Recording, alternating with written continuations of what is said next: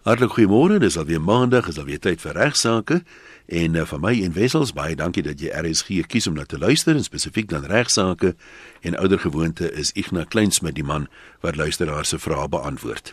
Ja, baie dankie Ian, baie welkom ook van my kant af en van van die prokureursorde van Suid-Afrika se kant af namens wie ons hierdie program aanbied. Luisteraars, ek het 'n baie interessante berig iewers in die koerant gelees. Ek het die uitknipsel ongelukkig verlê, maar dit gaan handel met Spaanse ouers se reg om die WhatsApp boodskappe van hulle kinders te lees sonder die kinders se medewete. Nou die pa en die ma was geskei en die ma was baie ontsteld toe sy uitvind dat die geskeide pa die arrogansie gehad het uh om sy dogter se wagwoord vir die dogter te vra met die oog daarop om te kyk wat op haar foon aangaan. Onder andere was die probleem dat ook op die dogter se foon 'n hele aantal privaat WhatsApp boodskappe was tussen ma en dogter en dit het die ma dus nou die geskeide ma daar ernstig daarteen beswaar gemaak en haar persoonlike inligting is dan nou deur haar eks gelees waaroor sy baie ongelukkig was. Nou volgens die koerantberig het die ma nou toe die hof versoek om te bepaal dat die pa nie geregtig was om sy kinders se privaatheid te skend deur hulle boodskappe te lees nie omdat dit ook onder andere haar reg op privaatheid skend. Die hof het hierdie aansoek daar in Spanje verwerp en ook bepaal dat dit nie inbreuk maak op Spanje se wetgewing wat handel met privaatheid nie. Dat dit nie oortreding daarvan is nie van die reg op privaatheid nie, want in hierdie geval het die pa in elk geval die dogter se toestemming gehad. Hy het daar wel nou so 'n bietjie Daar was 'n bietjie mm. druk uitgeoefen geweest, maar uiteindelik het sy die wagwoorde ek vat jou foon af. Uiteindelik het sy die, die dit vrywillig vir hom gegee. Uh en die beslissing beteken in feite dus dat Spaanse ouers die reg het om hulle kinders se fone te kyk wat daarop aangaan, wat insluit ook WhatsApp boodskappe of wat ook nog al dit mag wees. Na aanleiding van hierdie beriggie het ek gaan soek na gesag in Suid-Afrika of daar dalk al soortgelyke hofsaake was en dit het my nogal geïnteresseer om te weet wat ons howe sou sê. Ek kon ongelukkig nie een gerapporteerde saak opspoor nie. En sê ek dit besonder waardeer indien daar dalk 'n luisteraar of 'n kollega is wat dalk weet as hulle eh, weet van so 'n president in ons land se howe. My persoonlike mening is dat die Suid-Afrikaanse howe waarskynlik presies dieselfde filosofie sal handhaaf dieselfde beginsels sal handhaaf as die van die Spaanse howe, naamlik dat dit eintlik uiters belangrik is dat ouers beheer moet hê dit wat op hulle kinders se fone aangaan. Dat daar niks meer verkeerd is. Dis hoe ek persoonlik daaroor voel en ek dink ons howe gaan hopelik ook so saamstem. Dat niks meer verkeerd is nie daarop aandring dat jy wil toegang hê om te kyk waarmee jou minderjarige kind aanlyn besig is nie. Of dit nou op 'n rekenaar is of dit op 'n foon is of dit WhatsApp is of wat ek nog Facebook al die dinge. Facebook al daai dinge want as ons almal weet as ouers wat werklik daar aangaan en hoe nadelig dit vir ons kinders kan wees, kan ek nie dink dat 'n hof jou sal keer terwyl jou kind besig is om skade aan hom of haarself aan te doen of dit nou pornografie is en of dit nou uh, met getroude of ou mans mm, deurmekaar is mm. of wat ek nog dit mag wees daar's soveel gruwels wat plaasvind dat ek dink ons howe sal vir ons daai reg gee maar dis my eie persoonlike standpunt as daar ouers is wat al hierdie ding deurgegaan het in 'n hof uh, of weet van 'n hofsaak sal ek graag wil weet. Hoe relevant sou die kinders se ouderdom wees? Ek meen 'n kind van sien maar 10 is seker 'n ander saak as 'n kind van 18 of nie regtig nie. Ek dink uiteindelik gaan dit maar oor minderjarigheid want minderjarige kinders uh, word maar in, tot in 'n sekere mate as ontoerekeningsvatbaar geag. Daar's grade van ontoerekeningsvatbaarheid as jy dit reg ja. uitoefen, maar ek dink jy kan 'n testament op 16 al maak. Ja, jy kan en en uiteindelik sal jy moet besluit as jy jou kinders se uh, foon of uh, of hulle toepassings wil na kyk, dan jy moet uh, sê hoekom jy dit wil doen. In ander woorde, ja. wat ver, vermoed jy iets om elke dag jou kind van 16 of 17 of 18 of wat ek nogal se foon na te gaan? Sal ook waarskynlik weer 'n probleem skep. Ja, iewers dis ja, wat ons sê, balans, iewers moet die balans uh, deur hof ge, gehandhaaf word, maar ek glo dat waar 'n pa of 'n ma sê dat weet wat, ek wil van tyd tot tyd kyk wat met my kinders se lewe aangaan of hulle nie besig is met uh, dinge wat vir hulle nadelig kan wees nie. Net soos ek my kind kan verbied om 'n sekere fliek te gaan kyk of my kind kan verbied om sekere TV-programme te kyk. Hoekom sal ek hulle nie kan verbied ja. om ook eh, sekere dinge op op hulle fone nie te doen nie? Nee, ek kan my nogal indink as die kind byvoorbeeld kom ons sê by universiteit is, wel nog minderjarig is, dit tot 'n bietjie vrywillig kan lei. 'n bietjie moeiliker, ja. Want kom kom ons wees ek nou maar eerlik, ek meen ek en jy is nou meerderjarig, maar deur jou skooljare sou jy wou gehad het jou ma en pa moet alles sien wat jy kwyt raak teenoor vriende. Seker daarom nie. kan jy dink as as ons oor hierdie goed praat, hoe ver verwyder was hierdie soort van dinge vir ons gewees? Ek bedoel net om 'n foon te gebruik het in my my jong dae was al klaar vir my 'n wonderwerk geweest. Gewone jy het 'n paar maal gelei in die sentrale het sekere leitone ja. gehad ensovoorts. Ek meen jy kan by jou pelle gaan kuier en jy kan 'n hond uit 'n bos uit skinder oor julle ouers wat dan nou so ja. onregverdig is en dit is so ja. My pa is nie cool nie. En ja, volgende onderwerp. Ek kry baie oulike briefie van Rias Kamali. Sy is 'n strukturele tegnikus iewers waar, iewers in Kaapstad, Waterfront Kaapstad by die paviljoen eerste vloer, maar hy sê Gestel ek bots met 'n motor. Dis totaal en al my skuld want ek was op my selfoon. Ek stem in om vir die skade te betaal. 'n Week na die ongeluk word die motor waarteen ek gebots het gesteel nog voordat dit reggemaak word.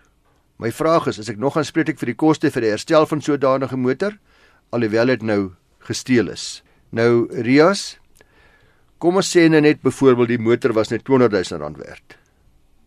En kom ons sê jy het nou die ongeluk gemaak en jy, jy ongeluk was jou skuld en die skade wat jy veroorsaak het was R50000 terwyl jy met jou selfoon gepraat het. R50000. Nou word die motor gesteel. Nou moet ons mooi vir mekaar vra wat word nou eintlik gesteel? Wat is die waarde van die item wat gesteel word? Die waarde van die motor wat nou gesteel word is R200000 minus die skade wat herstel moet word van R50000. So wat nou gesteel word is R150000. Want is nou nog nie reggemaak nie, soos jy sê, dit word gesteel voordat reggemaak is. So jy het R50000 se skade veroorsaak en die dief het 150 000 rand se skade veroorsaak want hy wil weet as ek nog aanspreek vir die koste van die herstel natuurlik jy het die jy het die skade veroorsaak die dief is aanspreek vir die koste van die van die diefstal so uit 'n versekeringsoogpunt uit as jy of jou agent die motor onder julle beheer gehad het byvoorbeeld terwyl dit gesteel was en nalatig toegelaat het dat dit gesteel word nie behoorlik toegesluit het nie mm. steel hulle in die kar gelos het watter nog dit mag wees dan uh, natuurlik het jy ook die 150 000 rand se skade moontlik veroorsaak. Kan ek gou vra of twee daaroor vra? Dit pla my so klein bietjie in die sin dat dis fyn as jy nou sê ek gaan vir jou 50 000 rand gee, jy kan mee maak wat jy wil, maar nou het ek my skade, ek het nou afgelos. Ja. Maar kom ons sê die ooreenkoms was nou pertinent by 'n spesifieke werkswinkel, die voertuig sal daar herstel word. Sê net maar ek ken iemand daar of ek werk daar, ons kan dit opstaan daar doen, maar kan 'n klein bietjie spaar aan die koste, maar die voertuig gaan ja. herstel word 100%. As die voertuig nou nooit teruggevind word nie, is daar mos nou nie 'n voertuig wat ek kan herstel nie. So dit voel vir my dit moet te verweer wees om te sê as die voertuig teruggevind is, by all means dan sal ek die 50000 betaal of die voertuig herstel, maar kom ons ja. sê hy's in die buiteland en hy's vir onderdele verkoop dit is mos nou nie moontlik vir my om die ding te herstel. Wat is die skade wat jy die dief veroorsaak? Wat kon die dief gesteel het? Die dief het die dief het 'n voertuig gesteel met die waarde van 150 000 rand. Hy kon nooit meer as dit gesteel het nie. Anderswoorde, kom ons vat nou die versekeringssituasie. Kom ons sê nou maar daar word nou eis ingestel teen die versekering. Nou gaan die versekering vir jou sê, "Goed, jy's gedek teen jou eie nalatigheid, ek gaan die 50000 betaal."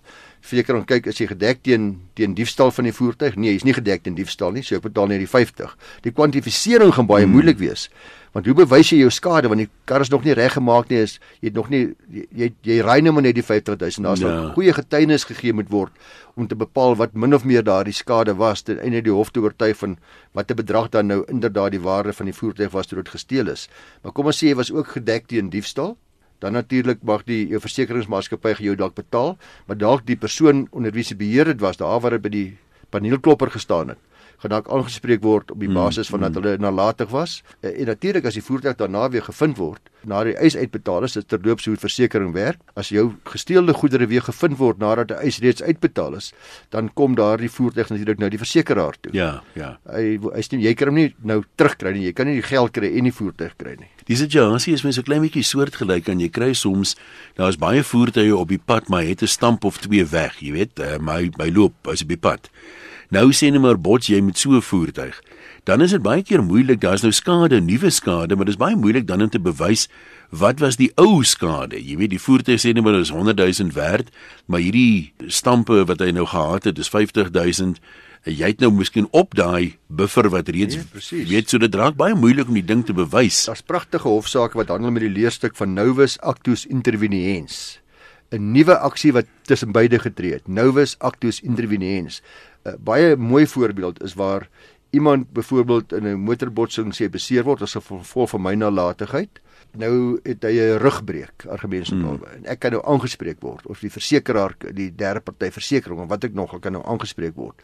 En nou word daai persoon na ambulans gelaai. En op pad hospitaal toe is daar weer 'n ongeluk. Is die ambulans in 'n ongeluk. Nou is dit 'n daar was nou 'n novus actus intervenens. Dis baie moeilik watter deel van watter skade is nou veroorsaak. Of soos jy nou reg gesê het, daar's 'n botsing met my voertuig.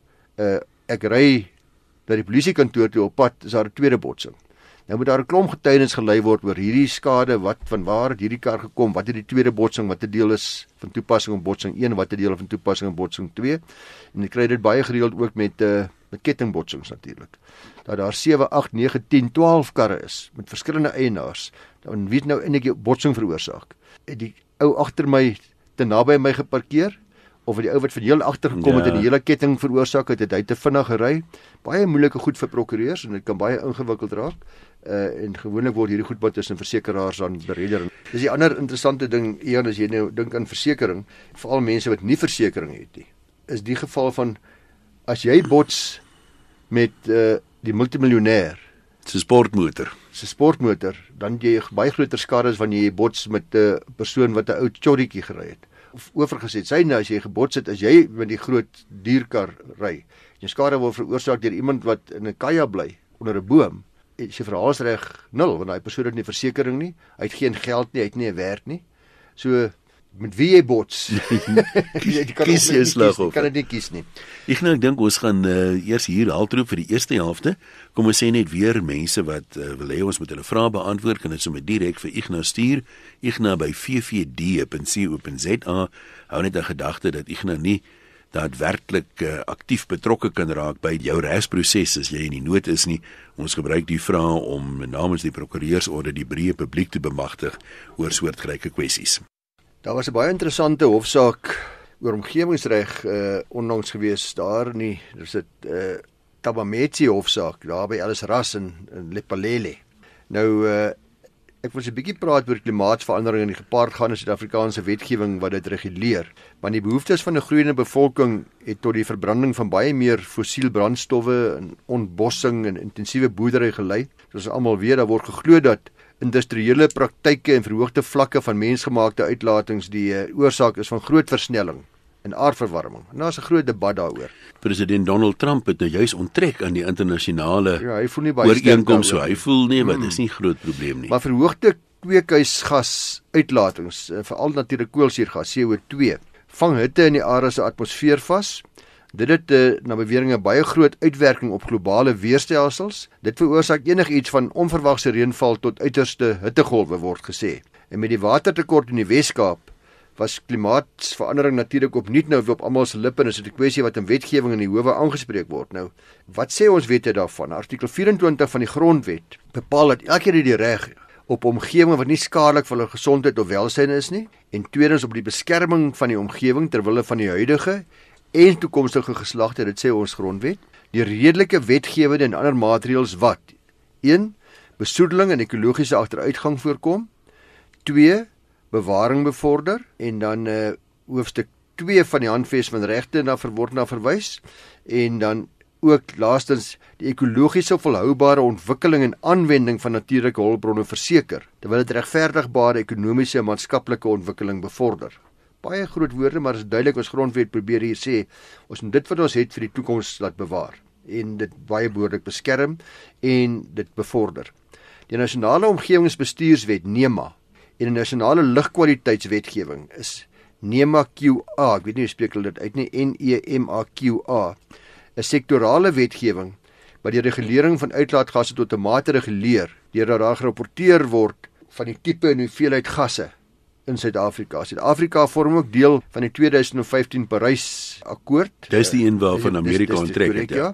Dis die 159, ekskuus, 195 lande onderteken En hierin het al hierdie lande onderneem om hulle koolsuurgas, hulle CO2 vrystellings te verminder om op hierdie wyse globale doelwitte te bereik.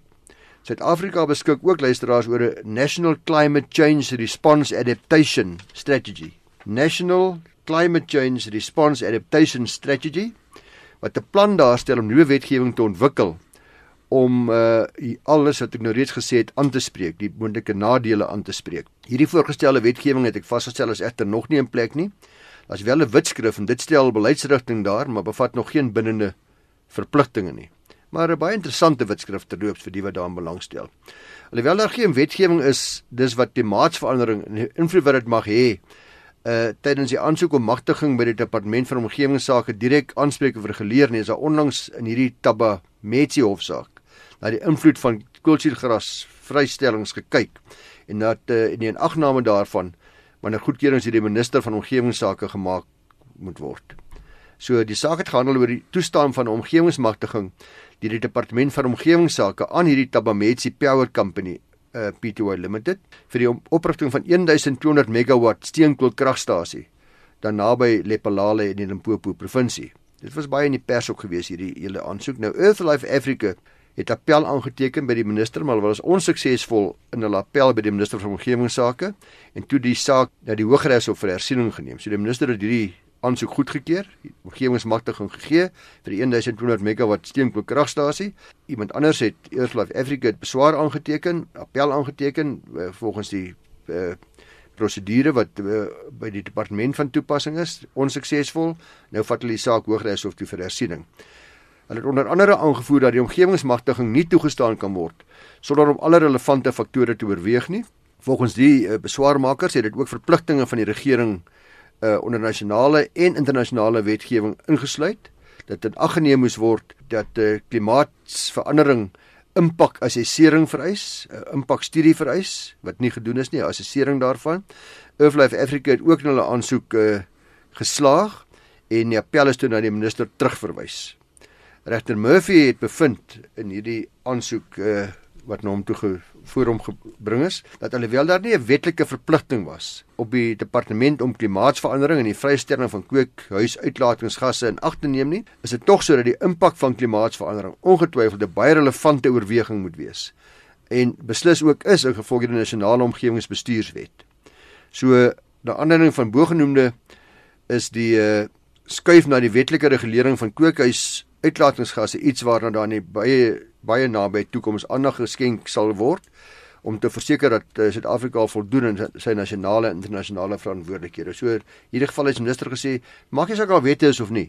Al hierdie aspekte moet behoorlik oorweeg word wanneer daar uh, na hierdie soort van aansoeke gekyk word wat uh, die omgewing kan beïnvloed en klimaatsverandering kan beïnvloed. Ek dink meeste van ons is ook redelik onkundig oor wat is nou die groot bronne van hierdie gasse. Jy weet baie mense sê dis vure wat mense maak, steenkoolmyne, motors se uitlaatgasse. Ek meen kyk net hoeveel vlugte is daar elke dag passasiersvliegtye so. Dink nou ons weet altyd regtig nie. Ek het selfs al gehoor dat die gasse wat ontsnap uit koeie se ontlasting is blykbaar 'n beduidende faktor in lande gesien. wat baie koeie het. Ek het ook iewers gesien. Uh, maar baie interessant is mens nou na hierdie goed gaan kyk het wat ek die eerste keer in jare gedoen het is dit tog so dat dit uh, ons is baie keer teleurgestel in die wyse waarop uh, sekere van ons leiers omgaan met hierdie aansoeke maar dat daar in die agtergrond baie harde werk gedoen word ja om behoorlike wetgewing daar te stel en behoorlike planne te maak is ook so deur ons regering. Geen wêreldwyd die motorbedryf dink ek spandeer miljoene aan navorsing om die uitlaatgasse van motors te verminder. Korrek.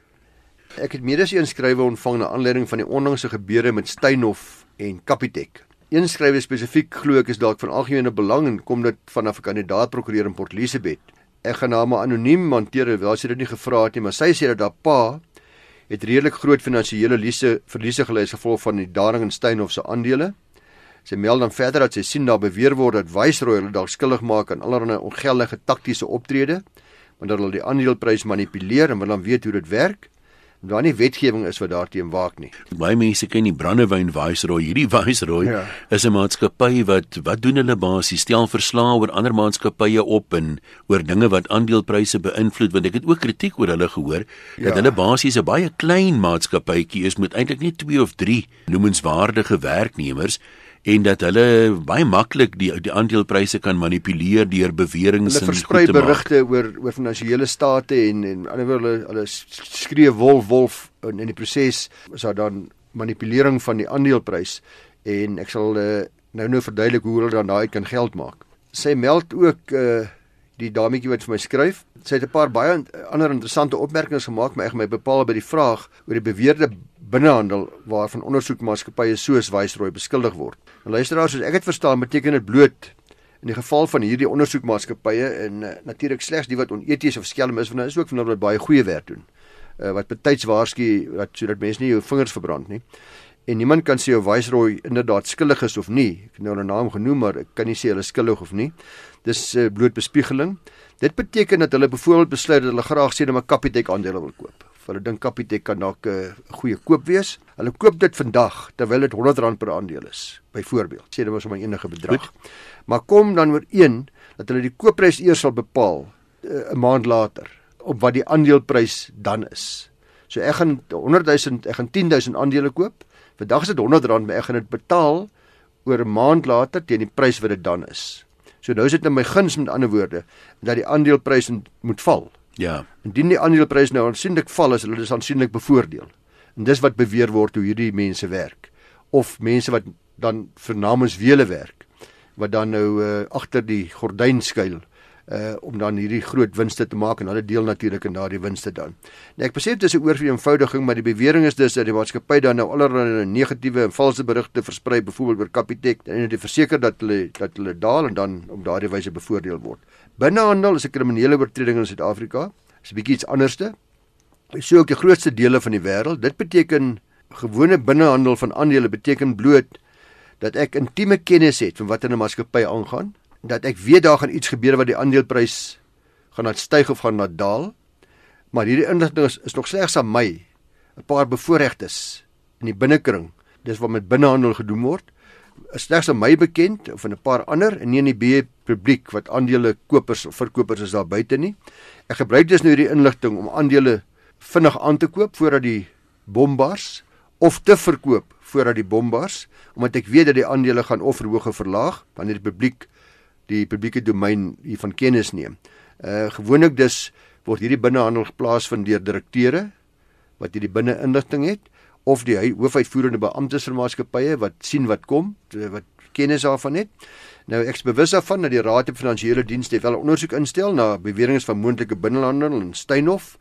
En ek weet ook dat die DMA, dis 'n direktoraat wat uh, kyk na markmisbruik, baie gereeld gevalle van binnehandel ondersoek. Eh, die, die DMA se liggaam binne die Raad op Finansiële Dienste sal hulle taak om binnehandel na te kyk en uh, te ontmasker. Hierdie DMA dan ook 'n afdwingingskomitee wat boetes oplê. En ek weet meneer Solly Kitse is die hoof van hierdie direktoraat. Hy het onlangs gemeld dat hulle sedert 1999 reeds boetes van meer as 100 miljoen rand opgelê het vir spruitenheid binnehandel. So dit gebeur en dit word beperk. Die relevante wetgewing bepaal onder andere ook dat dit 'n kriminele klagte kan wees en dat alle wins gemaak is moet terug geëis kan word. Uh die mooi daarvan dat dit nie net wins is wat teruggeëis kan word nie, maar ook 3 maal die bedrag van die wins wat gemaak is. En boonop kan dan nog 'n boete staan tot 1 miljoen rand opgelê word. Nou waarna toe gaan hierdie geld? Hierdie boetes dan en hierdie geld wat terugbetaal word. Hierdie wins wat dan nou gemaak is ten koste van ander aandeelhouers word dan gelykop verdeel aan die kopers en verkopers wat nadelig geraak word. So ek wat verloor het as gevolg hiervan. Bestaande aandeelhouers en kopers en kopers. Indien daar dan besluit word om ook krimineel te vervolg, kan so 'n persoon wat in binnelandse skuld bevind is 'n boete kry van tot 50 miljoen rand hmm. of 10 jaar tronkstraf of albei. So dis baie duidelik dat die meeste oortredings opgetel word wanneer daar abnormale pryse is of volume-bewegings is wat aandag trek. Jy sien onmiddellik. Ja daar's iets baie snaaks gebeur in in in in 'n week later styg of daal hierdie pryse. Dit is maklik om, om nogal na te gaan om te kyk uh, waar daar groot volume bewegings is. Daar's voor die hand liggende, daar's geen voor die hand liggende redes nie. So wat het dan gebeur? Uh persone wat gewoonlik aan die penry met binnehandel is dikwels dan persone wat op direksies dien en soos ek gesê het of deel van die bestuur is en uh daar's baie interessante wetgewing in verskeie lande. Binnehandel is 'n strafbare oortreding in feitelik alle lande, in verskeie lande. Uh in Suid-Afrika word dit verbied deur die wet op finansiële markte. Ek nou daar is ons moet haltroep baie dankie baie insiggewend. Ons praat volgende maandag weer.